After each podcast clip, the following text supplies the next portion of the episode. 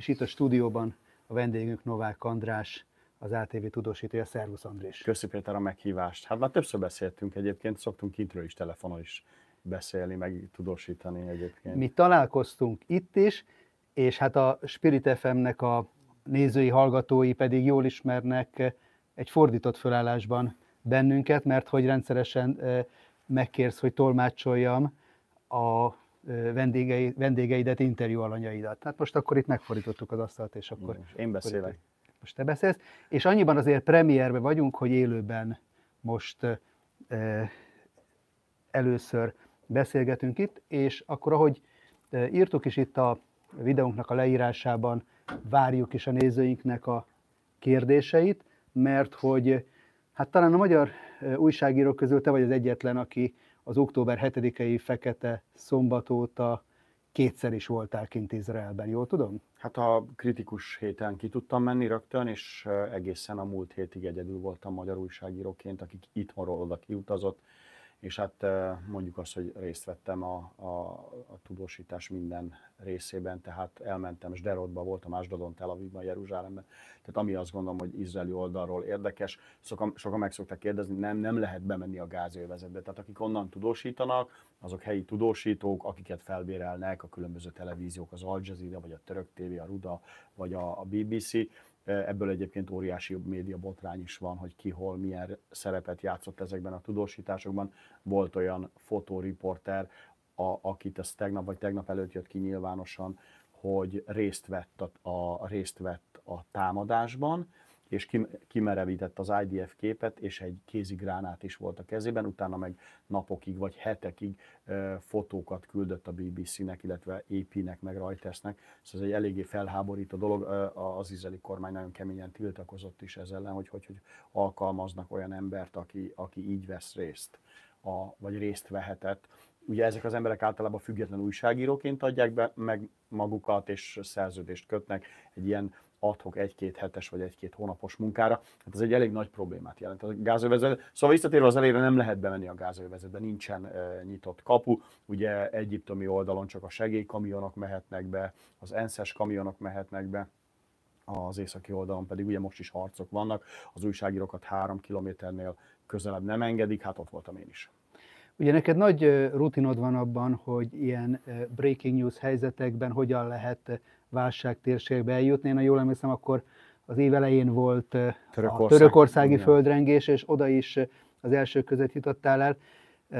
Hogyan, hogyan készülsz, hogyan, mi a, mi a teendő, hogyha befut egy ilyen helyzet, most idézzük fel például október 7-ét, hogy, Igen. hogy mennyi időd volt egyáltalán készülni az utazásra, közben tájékozódni a hírekről, és még minden, ami ezzel együtt jár. Hát nagyon nehéz helyzet volt az október 7-i, mert én, én pont Irakban voltam, Szindzsárban. Ugye a magyar kormánynak van egy programja, amelyben támogatnak olyanokat, akik olyan családokat, nőket, gyerekeket, akiket el, elhurcolt, vagy szexra szolgának használt az iszlám állam, és velük forgattunk egy dokumentumfilmet. Egyébként, ha egy pici reklámot mondhatok, ez karácsonykor lesz az ATV-n ugye Azbej Trisztánék dolgoznak ebben nagyon keményen, és uh, hát nekem onnan kellett eljutni Izraelbe, tehát tudod képzelni Irakból Izraelbe menni a háború alatt. Tehát ez a, szerintem Mission Impossible, ez, az abszolút az a történet. És hát nagyon sokat köszönhetek uh, ugye először is a főnökeimnek, akik támogatnak uh, a tévében, tehát uh, Szilárd Tamás azt mondják, hogy menjél, valamire szükséged van, akkor segítünk benne és, és a másik meg, hogy van egy szuper utazásszervezőm, a Pintér Zsuzsi, aki hát azt kell, hogy mondjam, hogy négy átszállással, de ezt úgy hidd el, hogy Bagdad, Erbil, Isztambul, Párizs, Tel Aviv, ez még térképen is nehezen követhető. Gáz, ugye? Tehát ez, ez, ez, ez csoda, csoda volt, hogy sikerült bejutni, ráadásul folyamatosan zárták le a járatokat, folyamatosan mondták le a járatokat, ugye egyedül az ELAL, amelyik folyamatosan repüli ezt a háborús területet, tulajdonképpen alig van egy-két légitársaság, amelyik emellett megy. Gyorsan mondom, talán a Fly Dubai még most is repül, az Air Serbia, és az ELA-nak, ugye tudni kell, hogy az ELA gépek azok nem ugyanolyanok, mint itthon parkolnak a Wizz gépek, vagy a Lufthansa gépek. Mi a különbség? Ó, hát nagyon sok különbség van. Nem csak hát, a festésben. Nem, nem csak a festésben. Hát ugye e, e, ezek e, mini védelmi rendszerek. Mindegyik ELA gépen legalább kettő Air Marshal van, fegyverrel. mindegyik elalgépen, most, most ezt nem szokták reklámozni, de lehet róla beszélni, utána lehet nézni. Van egy Air, Air Marshal, az, azt úgy képzeljük el, hogy egy civil utasnak kinéző fegyveres biztonsági? Egy ilyen tök átlagos fickó, ugyanígy zakóban, mondjuk ül a 3C-n, meg a 39D-n. Uh-huh. És a sok utas között ő beszáll, meg kiszáll. És ő tudja, hogy hol vannak a védelmi rendszerek a repülőn, ő tartja a kapcsolatot a pilótákkal, és van nála fegyver. Nem olyan fegyver, ami kilukasztja a repülőgép oldalát, de hogyha bárki bármire készülne, fel vannak mindenre készülve, Izraelnek ugye ebbe nagyon sok tapasztalata van, nagyon sok szörnyű tapasztalata van, ugye gép, gépeltérítések Müncheni olimpia, nem is akarom sorolni. De hál' Istennek az utóbbi évtizedekben vagy években legalább. De ennek köszönhető. De ennek köszönhető. Tehát ez van belül a repülőgépben. Plusz egy tartalékpilóta. Tehát ugye ül kettő, és uh-huh. van mindig egy tartalékpilóta. Bárki, mérgezés, füst, gáz, stb., akkor még legyen még valaki, aki el tudja vinni a gépet a repülők fel vannak szerelve védelmi alul légerhárító eszközökkel. Tudod, vannak ezek a hőcsapdák, amit dobálnak ki magukból a repülők. A sima civil gépeken is van ilyen. Arról nem beszélve, hogy az izraeli gépeket, egy hideg kiráz, nagyon-nagyon védik mindenhol a világban, ezt úgy kell elképzelni. Ferihegyen, hogyha kinézel az ablakon, látod, ott állnak sorba. Ha kinézel az elalgépre, ott fegyveres őr is van. Minden egyes alkalom. Tehát akárhova megy elalgép a világon, azt külön fegyveres ember. Tehát ez egy mini védelmi kis központok az elalgépek, ezért is teszik meg, vagy tehetik meg, hogy most is folyamatosan repülnek. Ugye ennek két oka van, nagyon sokan szeretnének hazamenni, családot látogatni a krízis állapotban, nagyon sokan jönnek haza, mert szeretnének szolgálni, nagyon sokan kaptak behívót, és ami egy nagyon, megint egy érzelmi dolog, nagyon sokan jönnek, hogy önként szeretnének szolgálni. Tehát félig izraeli állampolgárok, én, én nagyon szerencsés vagyok, hogy magyar fiúkkal tudtam beszélni, akik magyarok is bent vannak az IDF-ben, és interjú is készült velük. Majd meg is hoztam veled ezt a, a, azt az interjút, megbeszéljük, hogy akár a hetekben is szívesen átadom nektek, hogy ne csak az atv.hu jelenjen meg. Nem mondhatom a magyar nevét a srácnak, inkognitóban van, természetesen amíg a hadseregben van, addig nem publikáljuk, elneveztük álnéven vagy titkos néven Betnek, ugye a B, az a B betű ugye az izraeli ABC-ben, de, de a lényeg az, hogy nagyon sokan jönnek önkéntesek, és most is képzeld, de százezren állnak sorba, hogy vagy az IDF-hez csatlakozzanak, vagy önkéntesként, mert olyan sokan vannak, hogy egyelőre nincs hely bent a hadseregben, ebből is látszik, hogy nagyon eltökéltek. Tehát, hogy sokan kérdezik, hogy meddig tart a háború, most én magamnak tettem fel egy kérdést, de a lényeg az, hogy, hogy nem lankad a, az elszántság abban, ugye két nagy mission van, az egyik a tuszok kiszabadítása, a másik pedig a Hamas eltörlése. Szerintem nagyon eltökéltek, és hát ebben van egy kis belpolitikai tolás is, tehát Bibinek meg kell mutatni, Benjamin Netanyahu meg kell mutatni, hogy hát nagyon tökös és odaáll ennek az élére. Ez, ez most nagyban segíti az ő szerepét. Azt De gondolom. Beszéljünk mindenképpen az aktuális helyzetről is, uh-huh. meg, meg ezzel kapcsolatban érkeznek kérdések is, de még visszakanyarodva a, az első tapasztalataidra, amikor megérkeztél, akkor akkor talán még ugye napokig tartott, amíg a Sokban volt mindenki. Sok. Sokban volt, meg maga, maga a terroristáknak a kiszorítása is a, a déli területekről több mint egy napot vett igénybe. Tehát amikor te megérkeztél, akkor, akkor milyen állapotban lévő országot találtál? Őszintén mondom, hogy azt lehetett érezni, hogy amikor utaztam délre kocsival, még lehetett tudni azt, hogy ott még vannak terroristák bent. Tehát, hogy, és ez is ilyen hidegkirázos, vagy ilyen, ilyen libabőrös dolog, hogy mész az utcán, és bármikor elé, eléd léphet valaki egy AK-val, mert ott még a terroristák azért voltak bent, hogy még embereket öljenek. Tehát itt azért ne titkoljuk el, ezeknek az embereknek semmi más céljuk nem volt, mint zsidó vért ontani, kiontani. Tehát semmi más nem lebegett a szemük előtt. Ugye a, a, a professzionálisabb az ugye elvitte a túszokat rögtön az elején, az összes többi, aki bent maradt, tehát jó, jó pár napig, és ugye mentem délre, ott annál nagyobb volt a kockázat és akkor beszélsz emberekkel, akkor ezt lehet látni, amit meg ezt lehet érezni rajtuk.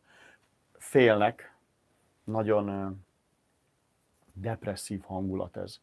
És, és közben meg az is depresszív, hogy ugye ott abban a másodpercben megállt az élet. Peti úgy képzelte, hogy mindenben van zárva, nincsenek kocsik az utcán. Tehát ilyen, ilyen há, tényleg ilyen világháborús hangulat. Mindenhova ki vannak téve a táblák, hogy shelter, ne felejtsük hogy arabul is, héberül is, és angolul is ki van írva, vagy óvóhely.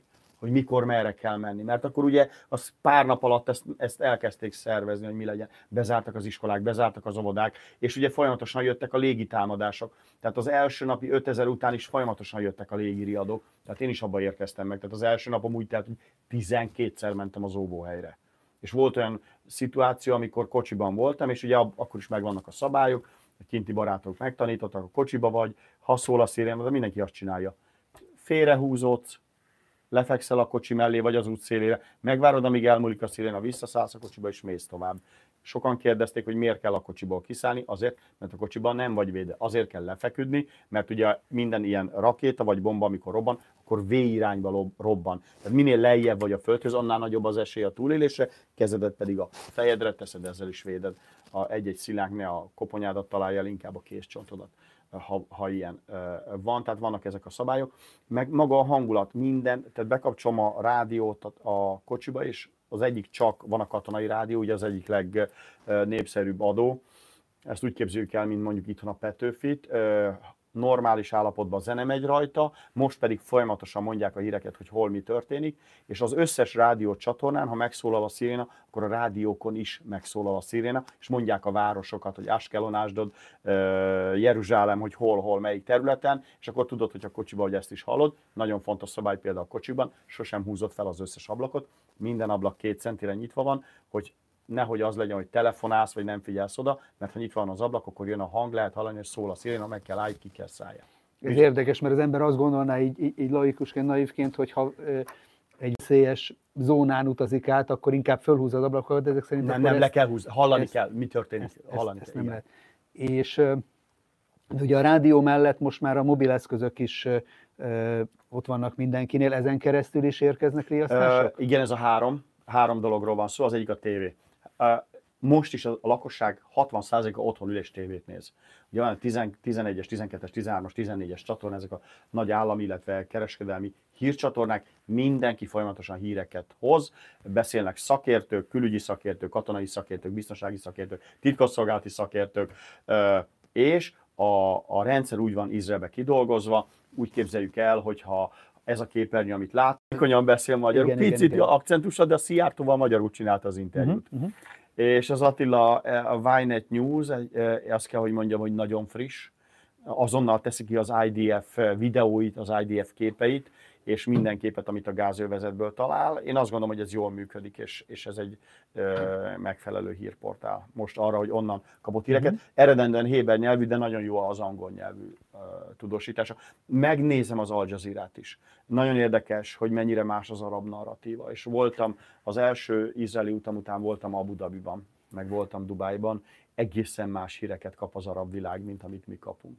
Nagyon, nagyon megdöbbentő tegnapi hír, és nem tudom, láttad-e azt a videót, ha tudod, akkor majd oszd meg. Az Al Jazeera interjút készít az Al Shifa Hospital a igen, kórházban. ez a központi gázai kórház, igen. Az Al Jazeera interjút készít egy öreg bácsival, aki teljesen képben van, kicsit poros, de a támadás kellős közepén készül az interjú. Ugye az egy kettő órával ezelőtti hír, hogy a, a, az IDF speciális alakulatai átvették a kórház irányítását, ez kettő órával ezelőtti ír. Már módban fotóztak, tehát az elmúlt napon történt a, a megszállás. És az Al Jazeera interjút készít az öreg bácsival.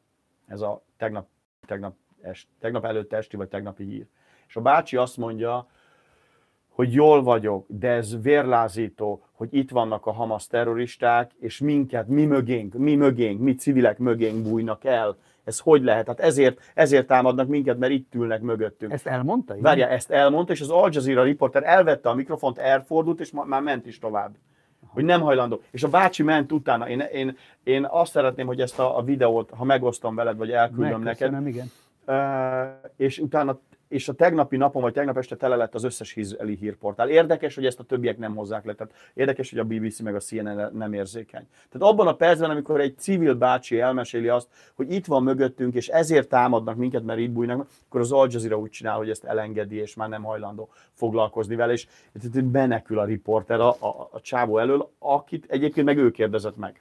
Ezt azért is köszönöm, hogy elmondta, egyrészt megdöbbentő, és egy zárójelbe egyébként említetted a BBC-t, sajnos ugye az a hírcsatorna, amelyiket eh, mi még úgy nőttünk föl, én legalábbis még amikor egyetemista voltam, Etalon, akkor, nem? akkor egy etalon volt, az egyetemen volt egy, egy kiváló angol tanárunk, aki, ez még a 80-as évek volt, aki megengedte azt, sőt ő szorgalmazta, hogy a BBC World News-nak a híreit vegyük föl otthon, és azt hallgattuk így a, az óra keretében, és a, a, a média angolt azon keresztül uh-huh. magyarázta el nekünk, és hát tényleg egy, egy, egy, egy más világra, egy, egy sokkal tágabb, szabadabb világra jelentett egy, egy ablakot. Most ugyanez a BBC 30-40 évvel később szinte például az izraeli tudósításaiban, mintha a Jereváni rádiót hallgatná az ember, de nem, ez, ez nem vicc, mert tegnap azért kellett szabadkozniuk, mert bemondtak egy hírt, mi szerint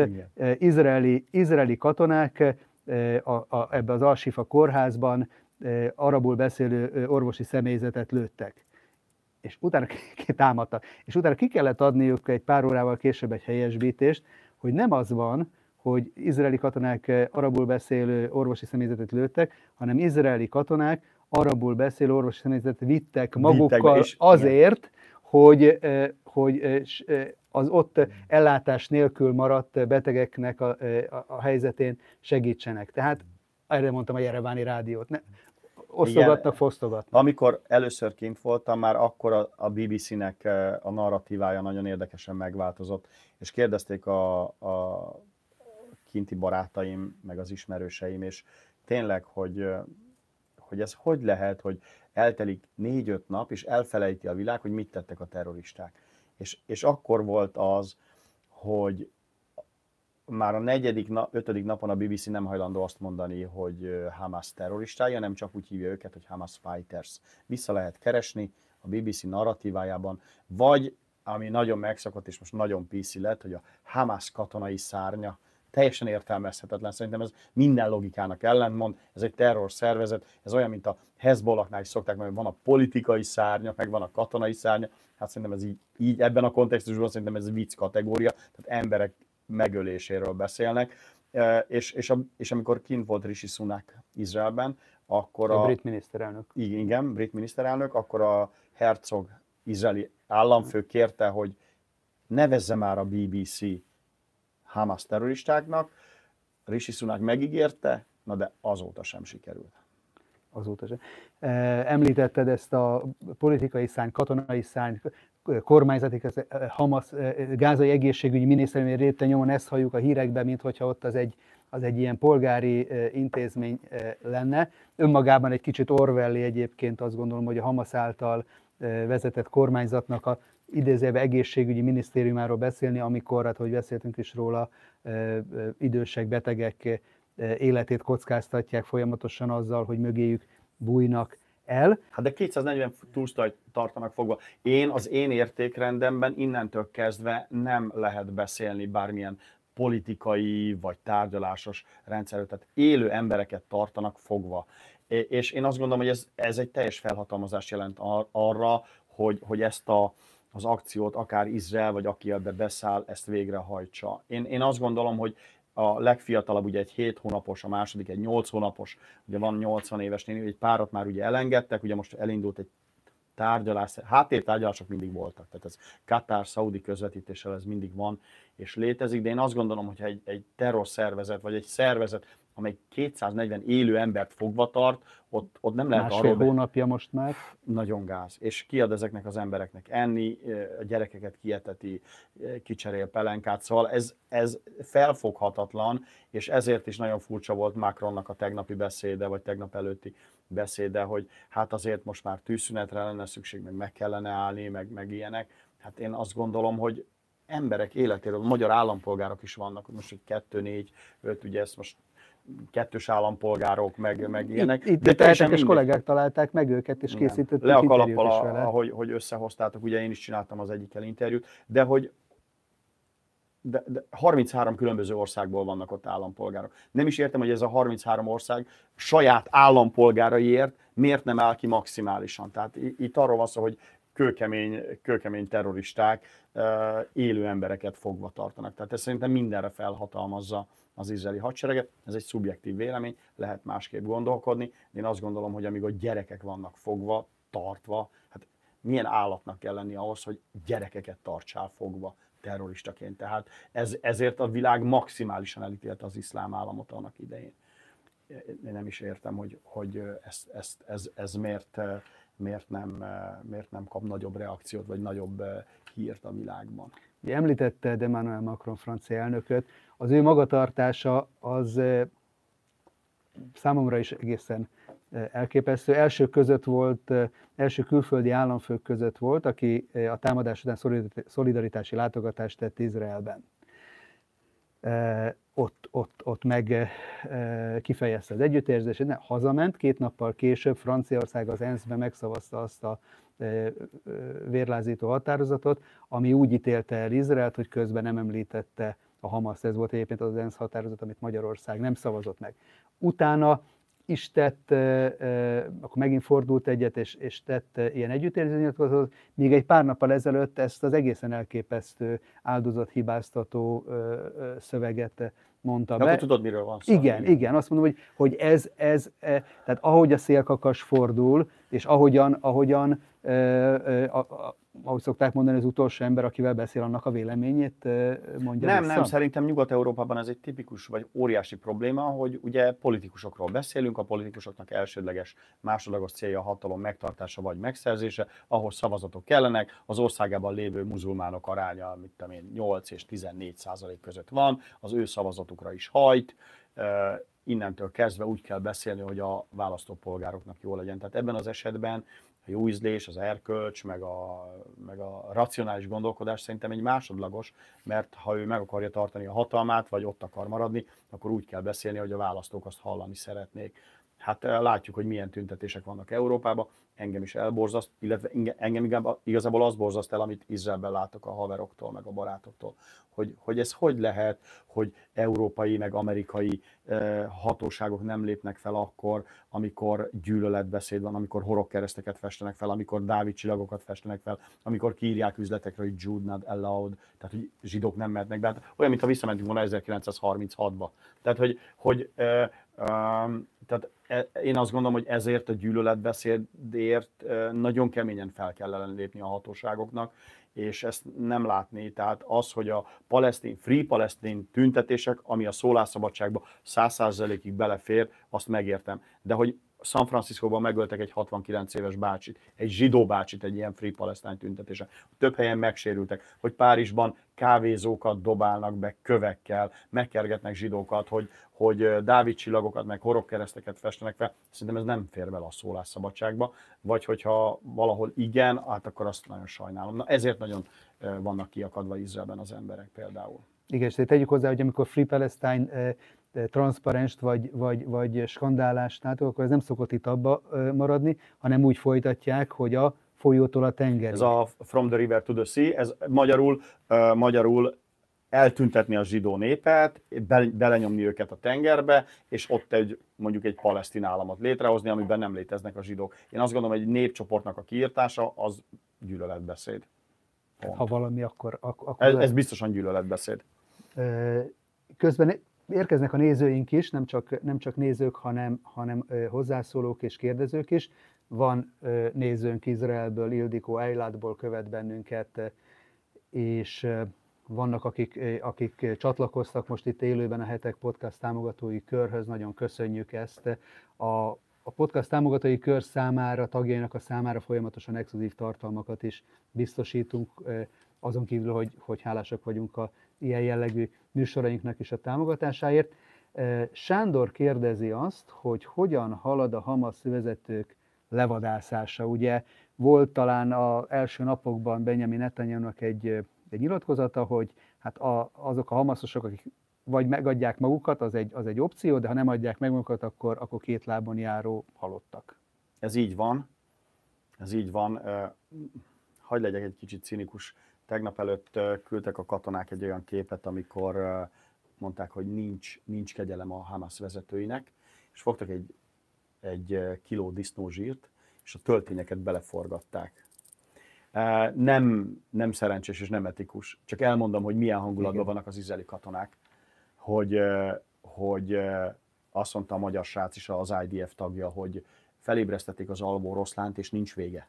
Tehát nem lankad a figyelem és én nem tudom név szerint most, hogy hánynál tartanak, de, de több tucat vezetőt. És olyan vezetőkről beszélünk, itt nem politikai vezetőkről beszélünk, akik tárgyanak íróasztalnál, hanem akik szellemi atyai voltak ennek a merényletnek, és akik ott voltak Gázában. Természetesen nagyon sokan most lehúzódtak délre. Meg, meg, Már meg a gázai övezet déli a gázai részére. övezet déli részére, és vannak akik, akik meg más országban vannak, Katarban, vagy, vagy, vagy, vagy Damaszkuszban. Gondolod, hogy egyébként nekik is utánuk mennek? Hát, láttunk már iráni titkosszolgálati vezetőt likvidálni Amerika vagy Izrael által külföldi országban, tehát ez már előfordult. Én nem tudom, hogy most belemernének menni. Azért a külpolitikai viszonyok most nagyon szenzitívek. Tehát én ilyet, amióta tudósító vagyok 20 éve, én olyat még nem láttam, hogy az amerikai két repülőgép hordozót és egy atomtenger alatt járót vezényeltek egy ilyen kicsi öbölbe, mint a földközi tenger. Tehát ez egy olyan nagyon erős demonstráció, és ez azt mutatja és azt bizonyítja, hogy nagyon keményen rajta tartják az amerikaiak a kezüket azon, ami például, amin Irán gondolkodhat, vagy amin Szíria gondolkodhat, vagy amin Libanon, de inkább ott főleg a Hezbollah gondolkodhat. Tehát ez, ez egy nagyon kemény, hogy is mondjam, jegelése annak, hogy még véletlenül se gondolja azt valaki, hogy megtámadja úgy Izraelt, hogy mondjuk tankokkal bevonul, vagy ilyenek. Természetesen az adókapok most is megy, ahogy mondtam ma reggel, ugye az északi határ nagyon kemény. Az izraeli hadsereg most a Gáza városát lőtte, azt hiszem a Gáza város déli részét és nyugati részét. Ez, ez is mai hír, tehát ez, ez mindenképpen történik, de visszatérve a kérdés első részére, hogy a, hogy a Hamas vezetők likvidálását szerintem nincs megállás. Tehát egészen addig fognak menni, amíg, amíg azt, lehet, azt nem tudják mondani, hogy a Hamaszt megszüntették. A nagy kérdés az, ami egy, szerintem egy teljesen logikus kérdés, hogy hogyan szervezik meg utána a közigazgatást, mert eddig a Hamas végezte ezt. Meglátjuk, hát erre is valamikor erre válaszolnia kell az izraeli kormányzatnak. Milyen, milyen alternatívákban hát gondolkodni? Hát, kérdezem, kérdezem én, ez az ezer dolláros vagy százezer dolláros kérdés. Good luck, eh, tehát, hogy, hogy azt látom, egy csomó olyan felvételt kapok, tegnap előtt is nyilatkozott egy, egy palesztin néni, aki vonult le, hogy, hogy menjenek a fenébe a hamászosok. Azt mondja, miattunk lőnek, miattuk lőnek, miattuk lőnek minket az izraeliek. Tehát, hogy most már, és amit az előbb meséltem Igen. a bácsi a kórházban is. Tehát, hogy most már egyre több olyan hang van a palesztinok között, hogy nem szeretnének azonosulni a Hamasszal, vagy megpróbálnak leválni, de azért ez egy nagyon nehéz dolog, hiszen ők üzemeltetnek mindent. Tehát ők üzemeltetik az iskolákat, a kórházat, a segélyek elosztását, a vizet, az áramot, stb. stb. Tehát azért ez, ez egy nagyon-nagyon nehéz szituáció. Tényleg két millió emberről van szó, tényleg rengeteg áldozatról is beszélünk a, a gázai vezetben. Az, hogy 11-13 ezeret mond a palesztin hatóság, hát ez én szeretnék egy ír újságíró kollégát eh, idézni, azt mondta, hogy hát ezt ők mondják, hogy ennyi az áldozatok száma, de ezt olyan emberek mondják, akik csecsemőket égettek el. Tehát mennyire lehet hiteles ez a szám, akik ilyet tudnak végrehajtani. Biztos, hogy vannak áldozatok, és ez, ez egy rettentő szörnyű dolog, de amit az izraeli hadsereg mond, hogy mindent megpróbálnak elkövetni, hogy minimalizálják a civilek, a civilek eh, ben a károkat, illetve az áldozatokat szerintem ezt tényleg megpróbálják hitteni. Vagy ahogy én tapasztaltam, ahogy én beszéltem az izraeli katonákkal, a szóvivőkkel, én, én azt hiszem, hogy ebben maximálisan dolgoznak. Jön még kérdés? Igen, itt kérdeznek bennünket azzal kapcsolatban, hogy, hogy amit te is említettél, hogy mi az oka annak, hogy Izrael nem, az, azok a félelmek nem igazolódtak be, hogy, hogy egyszerre több fronton is érheti támadás október 7-e után, hogy mi volt az, ami legalábbis mostanáig ezt visszatartotta? Hát csak megerősítem, mint az előbb mondtam, az, az amerikai jelenlét. Tehát egy, egy repülőgép hordozónak, ezt úgy kell elképzelni, egy repülőgép hordozónak a jelenlét, egy nem arról van szó, hogy megérkezik egy hadihajó egy, egy, egy öbölbe. Itt arról van szó, hogy egy repülőgép hordozó, az tulajdonképpen egy, egy parancsnoki állás, amelyhez bár nem szokták publikálni, általában ez hét különböző katonai egységből áll, tehát vannak mellette csatahajók, gyorsnaszádok, mindegyik repülőgép hordozó alatt van egy kisebb tengeralattjáró, és ez azért van, mert ezek mind védik a repülőgép hordozót. Egy repülőgép hordozón általában 70-80 vadászgép van. A vadászgép, ezt úgy kell elképzelni, hogy F-14-es, F-16-os vagy F-35-ös raptorok, tehát a legkeményebb uh, légicsapásra képes uh, hogy is mondjam, katonai egységekről beszélünk, nem katonai szakértő vagyok, csak mondok egy példát, ez, erről filmet is készítettek a balkáni háborúban,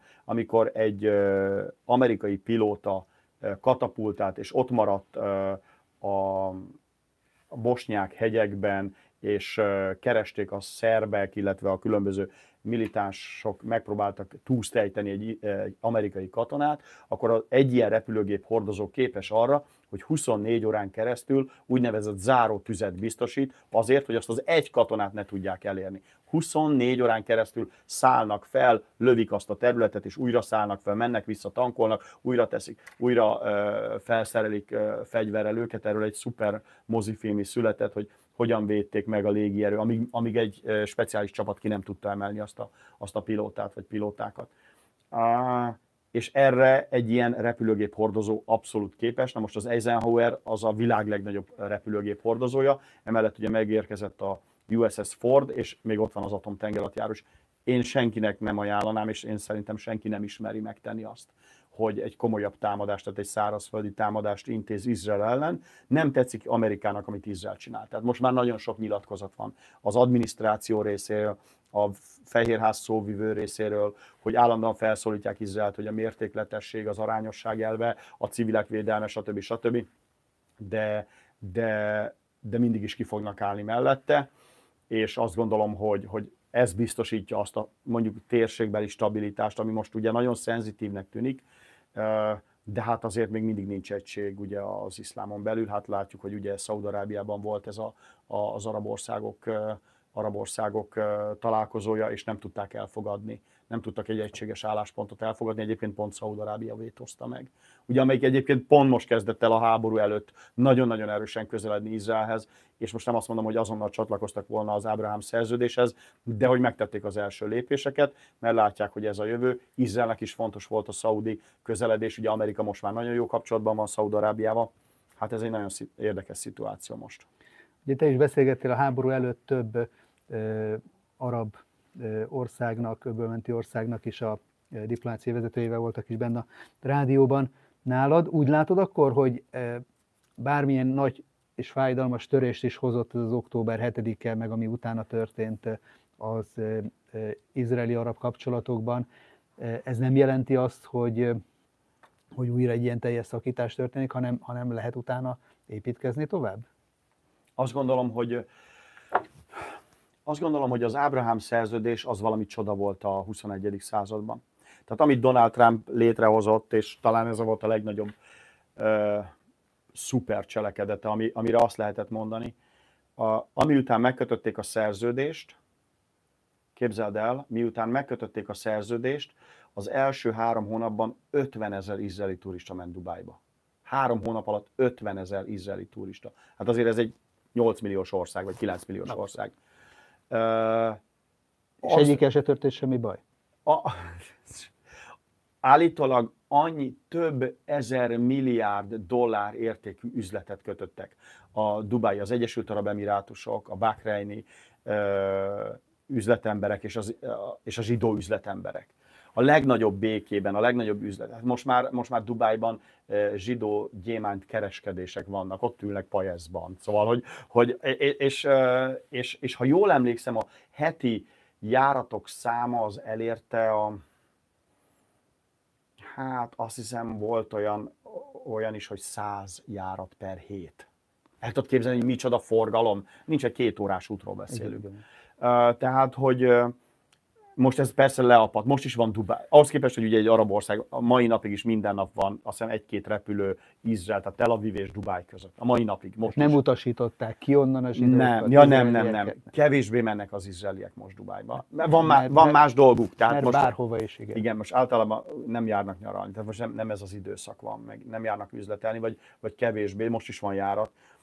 Az biztos, hogy le fogja lassítani, meg lelassította. Általában azt szokták mondani, hogy ugye ez van egy-két ország, amelyiknek ez érdeke volt, de volt egy-két ország, amelyik viszont nagyon szeretett volna ebbe belelépni, vagy hozzá kapcsolódni, például Szaúd-Arábia.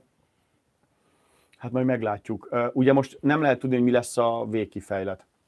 Annyira az elején vagyunk ennek a háborúnak. Mindenki azt mondja, hogy ugye Magyarországon, meg a, világ hírportálján ez olyan, mint az orosz-ukrán háború, hogy telnek a hónapok, egyre lejjebb fog szorulni a hír sorrendben, hírértékben. Általában nem szerették az emberek a, a zsidó-arab konfliktus már nagyon elcsépelt volt. Ugye ez, igen. nem nagyon beszéltünk erről igen, az utóbbi években. Ez De hát ez egy más nagyságrendje és dimenziója. A, az első egy hónap én azt gondolom, hogy ez egy nagyon vitte a, a primet. Én, én szerintem az ATV ebben nagyon szuper volt. Tehát, hogy nálunk ez vezető hír volt. Minden, minden egyes beszélgetésben, minden egyes híradóban, és ez a mai napig így van. Én azt gondolom, hogy rettentően befolyásolja az életünket. Szokták azt mondani. Én is éppen reggel most a startban kezdtem. Láttalak, ott voltál, igen, Cseriferi nemzetbiztonsági szakértővel uh, szuperek voltatok. Uh, én, én azt gondolom, hogy, hogy nem csak arról van szó, hogy itt 3-6-8 hónapig el fog húzódni, hanem Izraelben most már megjelentek azok a hangok, hogy azért Európa nagyon figyeljen oda, hogy itt nem arról van szó, hogy Izrael harcol a Hamas ellen, hanem, és nem csak a zsidókat védik, hanem azt a keresztény kultúrát, ami itt van Európában. Tehát azért itt azért ezt az összefüggést, meg ezt az áthalást érdemes érdemes rá, nekünk odafigyelni, és, és érdemes rá nekünk nyitott szemmel járni, és én azért is gondolom azt, hogy tudósítóként ott kell lenni, és megnézni, hogy mi történik a, a, a zsidó államban, mi történik a gázélvezetben, és ez milyen hatással van ránk. Látom, írnak elég sokan. Igen, igen. Piros egy, szívecske, egy, köszönjük egy, szépen. Egy, egy, kis, egy kis kiegészítés Izraelből, hogy az Ábrám szerződés nem csak Donald Trump érdeme, hanem Netanyahu kitartó munkája is, azért ezt említsük meg valóban az izraeli miniszterelnök, akit most nagyon sokan támadtak, és mi is beszéltünk arról, hogy, hogy nagyon nehéz helyzetbe került, nem teljesen ok nélkül. Jó, hát azért október, ő magát hozta, meg október, a feleségével magát hozta nehéz október, helyzetbe, de, de ilyen szituációban én nem akarom, nem akarom a miniszterelnököt támadni. Szerintem hihetetlen sok nagy nyomás van rajta nem véletlenül van az, hogy az ellenzékiek is beálltak most ebbe az egység vagy szükségkormányban, nem tudom pontosan mi a magyar fordítása, de ugye ott van háborús mellett, kabinetnek. Háborús, ilyen, ilyen egyébként Magyarországon is van, hogyha háborús állapotok vannak, ugye Bennett is beszállt mellé, Benny Gantz is ott van mellette, közösen tartanak sajtótájékoztatót. Én azt gondolom, hogy most az elsődleges cél, hogy hogy véghez vigyék azt, amit elhatároztak, és itt szerintem a túlszak élete a, a, az elsődleges. Nagyon nehéz. Érdekes, hogy az első hetekben nem beszéltek a túlszokról. Akkor ott nagyon letettek róluk. És, és most ugye tegnap vagy tegnap előtti ajánlat, hogy a Hamas azt mondta, hogy 70 túszt elengednek, hogyha 5 nap tűzszünet van. Megvan ez az ajánlat? Ez, ez, ez megvan. Ez annyiban biztató, és gondolkoztam rajta, hogy most Izrael Elfogadnál? Le... Elfogadnál egy ilyen ajánlatot? Ú, de nehéz mi? E, e, nehéz, és, és még nehezebb természetesen e, izraeli fejjel ezt, ezt látni. Annyi biztató szerintem van benne, hogyha 70 tusztnak a kiengedéséről lehet szó, akkor az a 70 tusz nagy valószínűséggel életben van. Mert ugye ezt nem tudjuk, hogy akiket elhurcoltak, ugye én láttam, nyilatkoztak, ugye idős beteg emberek is vannak köztük, nyilatkoztak az orvosaik, akik még október 7 előtt szívőbe kezelték őket, és mondták, hogy hát eh, folyamatos orvosi ellátás nélkül vannak gyógyszerek, olyanok, gyógyszerek nélkül nem maradnak életben. Nem, nem, nem maradnak életben, uh-huh. ugyanígy, ugyanígy csecsemők, tehát az szerintem egy realitás, hogy, hogy e, nem biztos, hogy mindenki életben van. Hogy lehet-e, lehet-e tárgyalni a Hamasszal? Olyan erkölcsi, olyan erkölcsi húrokat pengetünk meg, mert, mert ugye tegnap volt egy hihetetlen nagy felvonulás Tel Avivtól Jeruzsálemig a, a, az áldozatok és a túlszok hozzátartozói csináltak egy hatalmas nagy vonulást. És hogyha őket kérdezed, akkor azt mondják, hogy adjuk oda nekik az összes terroristát, engedjünk ki mindenkit, csak kapjuk vissza a rokonainkat. De ha, ha egységben gondolkozol, akkor nem támogatok egy, eh, ha ország szinten gondolkozol, akkor meg nem támogatok egy terrorszervezetet, nem adom meg neki azt a lehetőséget, hogy újra felfegyverezze magát, hogy újabb merényleteket kövessenek el, mert ugye itt arról van szó, hogyha megint eh, alkut kötök velük, akkor egy elismerem, akkor egy asztalhoz ülök velük, akkor az én szintemre emelem fel a terrorszervezetet, hogyha tárgyalok velük, akkor megint egy olyan szituációba hozom, hogy akkor most akkor két évig megint felfegyverkeznek, és utána újra ö, elkövethetik ezt a történetet. Nagyon nehéz döntés, annyira jó, hogy nem nekem, meg nem neked, vagy nem nekünk kell. Meg mellett szól pro és kontra érv is. Igen, és azon elképesztően nehéz, nehéz dilemmák. Ezt muszáj felolvasnom, mert nagyon köz... Vívja értünk Európáért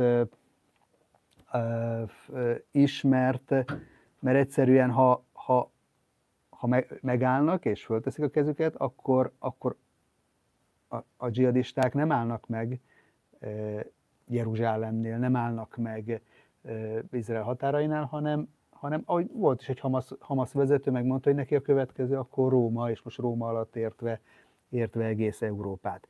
Azt akarom megkérdezni még tőled így a vége felé, hogy mit jelent az izraeliek számára az, hogy azért sokan a világon amellett, hogy, hogy tüntetnek ellenük és, és skandálják ezeket a borzalmas jelszavakat, viszont látjuk, hogy, hogy nagyon megható és, és demonstratív kiállások is vannak.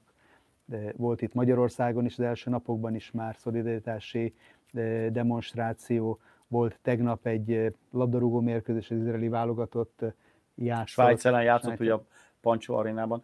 Uh, Hagy mondjam el azt a történetet, ami az egyik tudósítás kellős közepébe kaptam a hírt. A, a magyar, magyarok mondták, hogy a, az izraeli külügy, és, és egyáltalán az utazni vágyóknak Izraelben azt mondták, hogy nem ajánlják Londont. Ez akkor történt, amikor Londonban kiment 300 ezer ember, és, és skandálták azt, hogy el megszüntetni Izrael államot, és, és ennyi embert nyomjunk be a vízbe. Tehát ez a From the River to the Sea, azért ezt ne felejtsük el, hogy ez nem egy békés, hanem ez egy kifejezett gyűlöletbeszéd. Tehát ez nem a...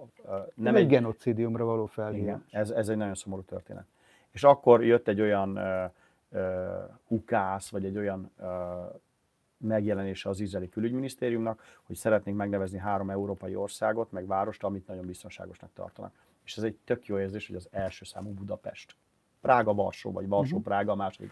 De ez annyira menő, Uh-huh. Hogy Izraelben azt mondják, hogy ha egy biztonságos helyre akarsz menni, ez is ilyen hidegkirázós, vagy ilyen libabőrös, hogy azt mondják, hogy Budapest jó. És amikor az izraeli válogatott játszik, akkor ezt Magyarországra hozzák mert, mert ne, itt nem fogják megtámadni, nem lesz terrorcselekmény, itt biztonságban vannak. Én azt is felajánlanám, ha lenne lehetőségem, hogy játszak az összes hazai mérkőzésüket Magyarországon, mert, mert, akkor, mert akkor itt biztonságban érzik magukat, van stadion is, meg, meg van fogadókészség, hát egy csomóan voltak a meccsen, tehát tök jó volt látni, hogy, hogy tehát, mennyien hogy, mentek el hogy nem csak a biztonságot érzik itt Magyarországon, hanem éreznek egy, egy, egy, egy empátiát, támogatást, szolidaritást is, és, és volt is tegnap a munkatársaim közül is voltak kint többen, mondták, hogy egy, egy, egy nagyon megható demonstráció volt a tuszok mellett. Pozitív demonstráció, igen. Pozitív, egy, mert... Igen, ez egy, ez, egy, ez egy nagyon-nagyon fontos szempont, hogy, hogy, hogy én azt gondolom, hogy Magyarországon ez, ez tehát, hogy nagyon pozitív kép van Izraelben Magyarországról, és szerintem ez egy nagyon, nagyon támogatandó és, és tökre értékes, tökre értékes dolog. Hagy meséljek még el valamit. Amikor a srácokkal beszéltem kint, a katonákkal, a magyar katonákkal az izraeli hadseregbe, még véletlenül se keverje össze valakit, hogy itt arról van szó, hogy az izraeli hadsereg az arabokat utálja, vagy a muzulmánok e- ellen megy. Azt mondja B, nem mondhatom a nevét, azt mondja a srác, hogy van nekik is egy csomó muzulmán katonatársuk, akik az izraeli hadseregben vannak, tehát arabok és nem kérdés számukra, hogy az izraeli hadseregben harcolnak, és a, és a Hamas ellen. És azt mondja, van egy csomó drúz, akik szintén arabul beszélnek. Tehát azt mondja, a drúz katonák az a, a, a zsidó katonák elitje. Tehát a drúzokat, akik arabul beszélnek, rengeteg ezredes és tábornok, drúz tábornok van, akiknek a parancsait végrehajtják a, maguk a zsidók. Tehát, hogy itt ez nem egy fajgyűlölő hadsereg, aki arról van szó, hogy a zsidók írtják az arabokat, még véletlenül is. Mondta, mondta a srác, hogy ezt azért tudatosítsuk mindenkiben, és szerintem ez egy hihetetlen fontos gondolat, hogy, hogy az egy teljesen normális kép, hogy amikor a, a, a zsidó katonák elmennek imádkozni, akkor az IDF-ben lévő muzulmán katonák is leterítik az imaszőnyeget, és elmennek imádkozni. És együtt kéz a kézbe harcolnak, mert, mert pontosan tudják, és itt nem arról van szó, hogy van 200 demonstratíve arab az IDF-ben. Tehát itt több ezer vagy több tízezer arabról beszélünk, meg több ezer drúzról beszélünk, akik szintén arabul beszélnek az izraeli hadseregben. És, és, a, és a legfontosabb tagjai, vagy ugyanolyan tagjai. Tehát még véletlenül sincs alá vagy fölé rendeltség azért, mert valaki zsidó vagy arab. És ez, ezt korábban is tudtuk, de most, hogy beszéltem a sráccal, ezt megerősített, hogy erről beszéljünk. Tehát itt nem fajgyűlöleti támadásokról van szó, meg nem, nem az arabok kiirtásáról van szó, hanem arról van szó, hogy egy terrorszervezet kegyetlen cselekedete miatt van most ez az invázió, ami most a Gáza északi részén van, és amit visszakérdezte az előbb, hogy mi lesz a közigazgatása, ezt én is szeretném tudni. Tehát ott valami nagyon okos embereknek ott ki kell találni valamit, hogyha működtetni szeretnék a gázövezetet, de egyelőre csak az északi területnek mondjuk a, ami ugye az egyharmad része Gázának, tehát az északi területe Gázának, ahol most a harcok folynak, ugye most a kétharmad részében van majdnem két millió ember. Hogy a, ezután, ha ezt elfoglalták, amit egyébként most teljesen leromboltak, akkor ezt újra kell építeni. Ez valószínűleg megint az izraeliekre marad. Ezt, ez nem titok, ezt ők fogják megcsinálni. Hogy kit engednek oda be, ez már rajtuk múlik, szerintem ez egy nagyon okos döntés, hogy ki mehet vissza. De mi lesz a déli területekkel?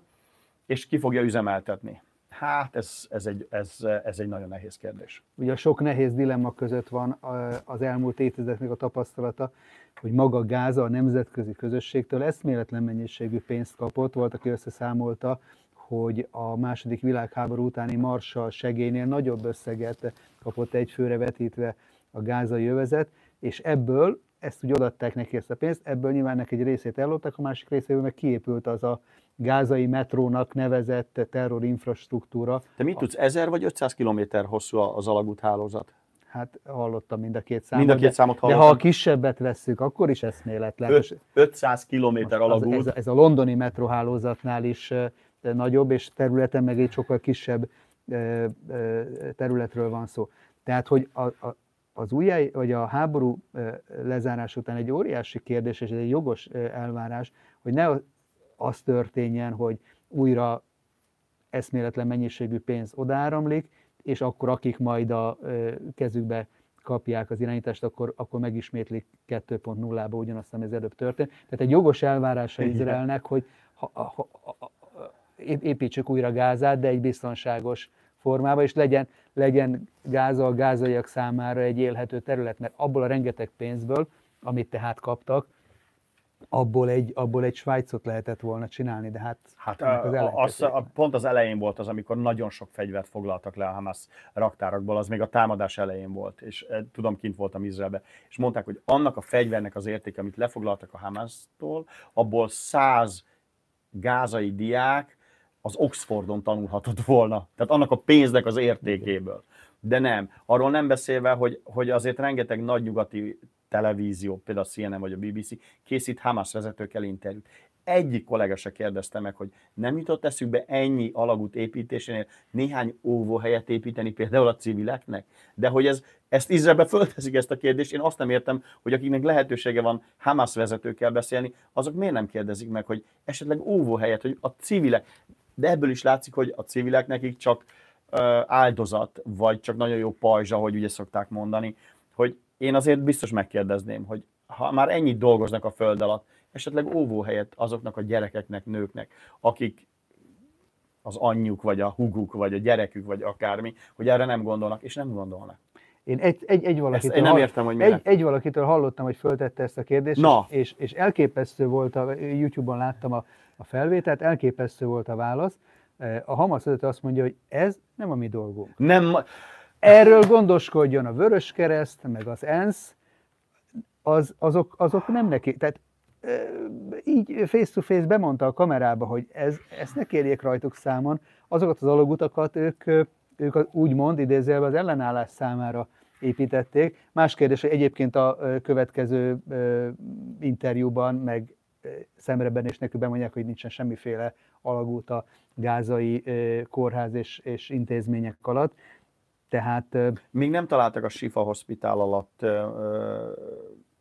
parancsnoki központot, mert ugye ez, ez nagyon komoly bejelentése volt az IDF-nek, hogy ott az a kórház alatt. Fegyvereket találtak benne, azt már láttam a felvételeket. Te tudsz valamit, hogy találtak a kórház én, alatt? Én, én, az, én azt a felvételt láttam, hogy egyelőre a felszín feletti részt fésülik át, hogy, hogy ott ne érje őket uh-huh. valamilyen csapda vagy meglepetés, és már ezt be is fogjuk a mai napon mutatni fordításban, az izraeli hadseregtől kaptunk egy felvételt, egy vágatlan felvételen a tiszt végigmegy azon a MRI részlegen, ahol mögötte ott vannak a diagnosztikai részen, ahol, a, ahol az MRI berendezések mögött nem csak úgy odadobált fegyverek, hanem ilyen komplet, ilyen grab and go, ez, ez angol kifejezés, ilyen menetkész felszerelés, egységcsomagok, töltények, tölténytárak, töltény, tölténytár, egyenruha, jelvények, tehát azt mondja, hogy ö, azt csak meg kell fogni, és, és 5 percen belül a, a Hamas terrorista bevetés. És ez az Emery teremben van. Ez, ez az, az Emery teremben. Az Emery teremben, tehát ott, ahol a,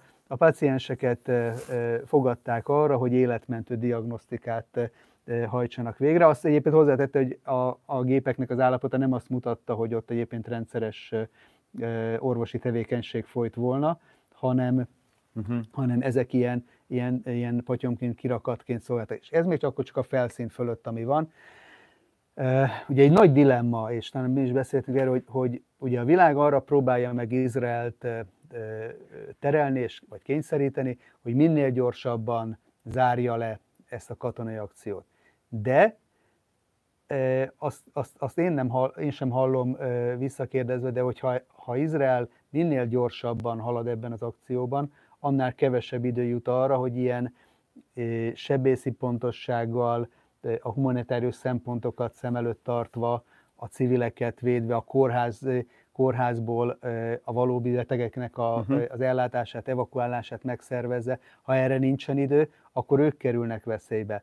Tehát ilyen értelemben én azt gondolom, hogy azt mondhatjuk, hogy minél több ideje marad Izraelnek, hogy ezt szisztematikusan végigvigye, annál nagyobb esélye van a, a, a, a civileknek is arra, hogy, hogy biztonságban maradjanak.